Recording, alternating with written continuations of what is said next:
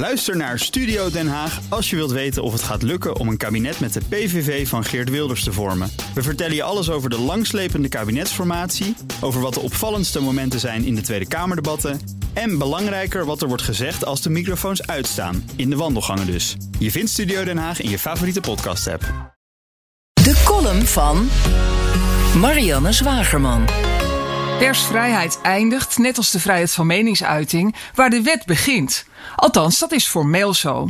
Vorige week eindigde de persvrijheid waar de wetteloosheid begint. Niet de programmadirecteur van RTL, maar crimineel tuig bepaalde vanuit de gevangenis de programmering van een Nederlandse tv-zender. RTL Boulevard ging naar dreigementen twee dagen op zwart. Zo diep zonken media niet meer sinds de oorlog. Wij zwijgen nooit, herhaalde John van de Heuvel maar weer eens na de moordaanslag op Peter R. de Vries.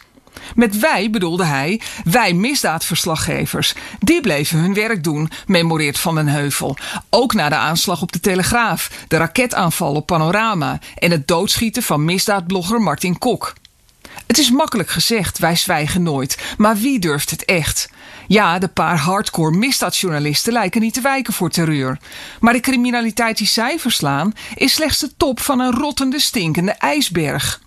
Waar zit de voedingsbodem voor het gewetenloze uitschot dat niet behept met enige intelligentie voor een luttel bedragje huurmoorden pleegt? Hebben we dat voldoende in beeld? Die gastjes groeien op in Tiel en Nieuwegein. Is daar nog journalistiek van betekenis in de haarvaten van de wijken? Of is dat allemaal afgevlakt in de Belgische efficiency manie die onze krantensector trof?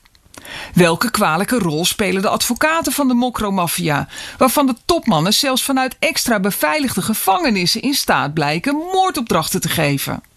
Van den Heuvel schreef vorig jaar nog een bijtende column over de dienaren van de misdaadbazen, die hun advocatenboekje te buiten gaan door dossiers te lekken en zich als illegale boodschappenjongens te laten gebruiken.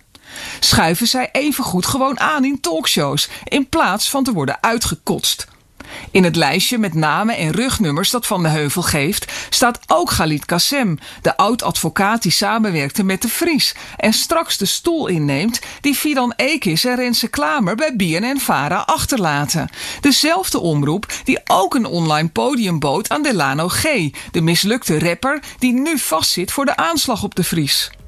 Niet zwijgen is een nobel doel om na te streven, maar iets minder naïef worden zou al een eerste goede stap zijn. Ook Harm Edens vind je in de BNR-app. Je kunt BNR Duurzaam niet alleen live luisteren in de app, maar ook terugluisteren als podcast, zoals al onze podcasts.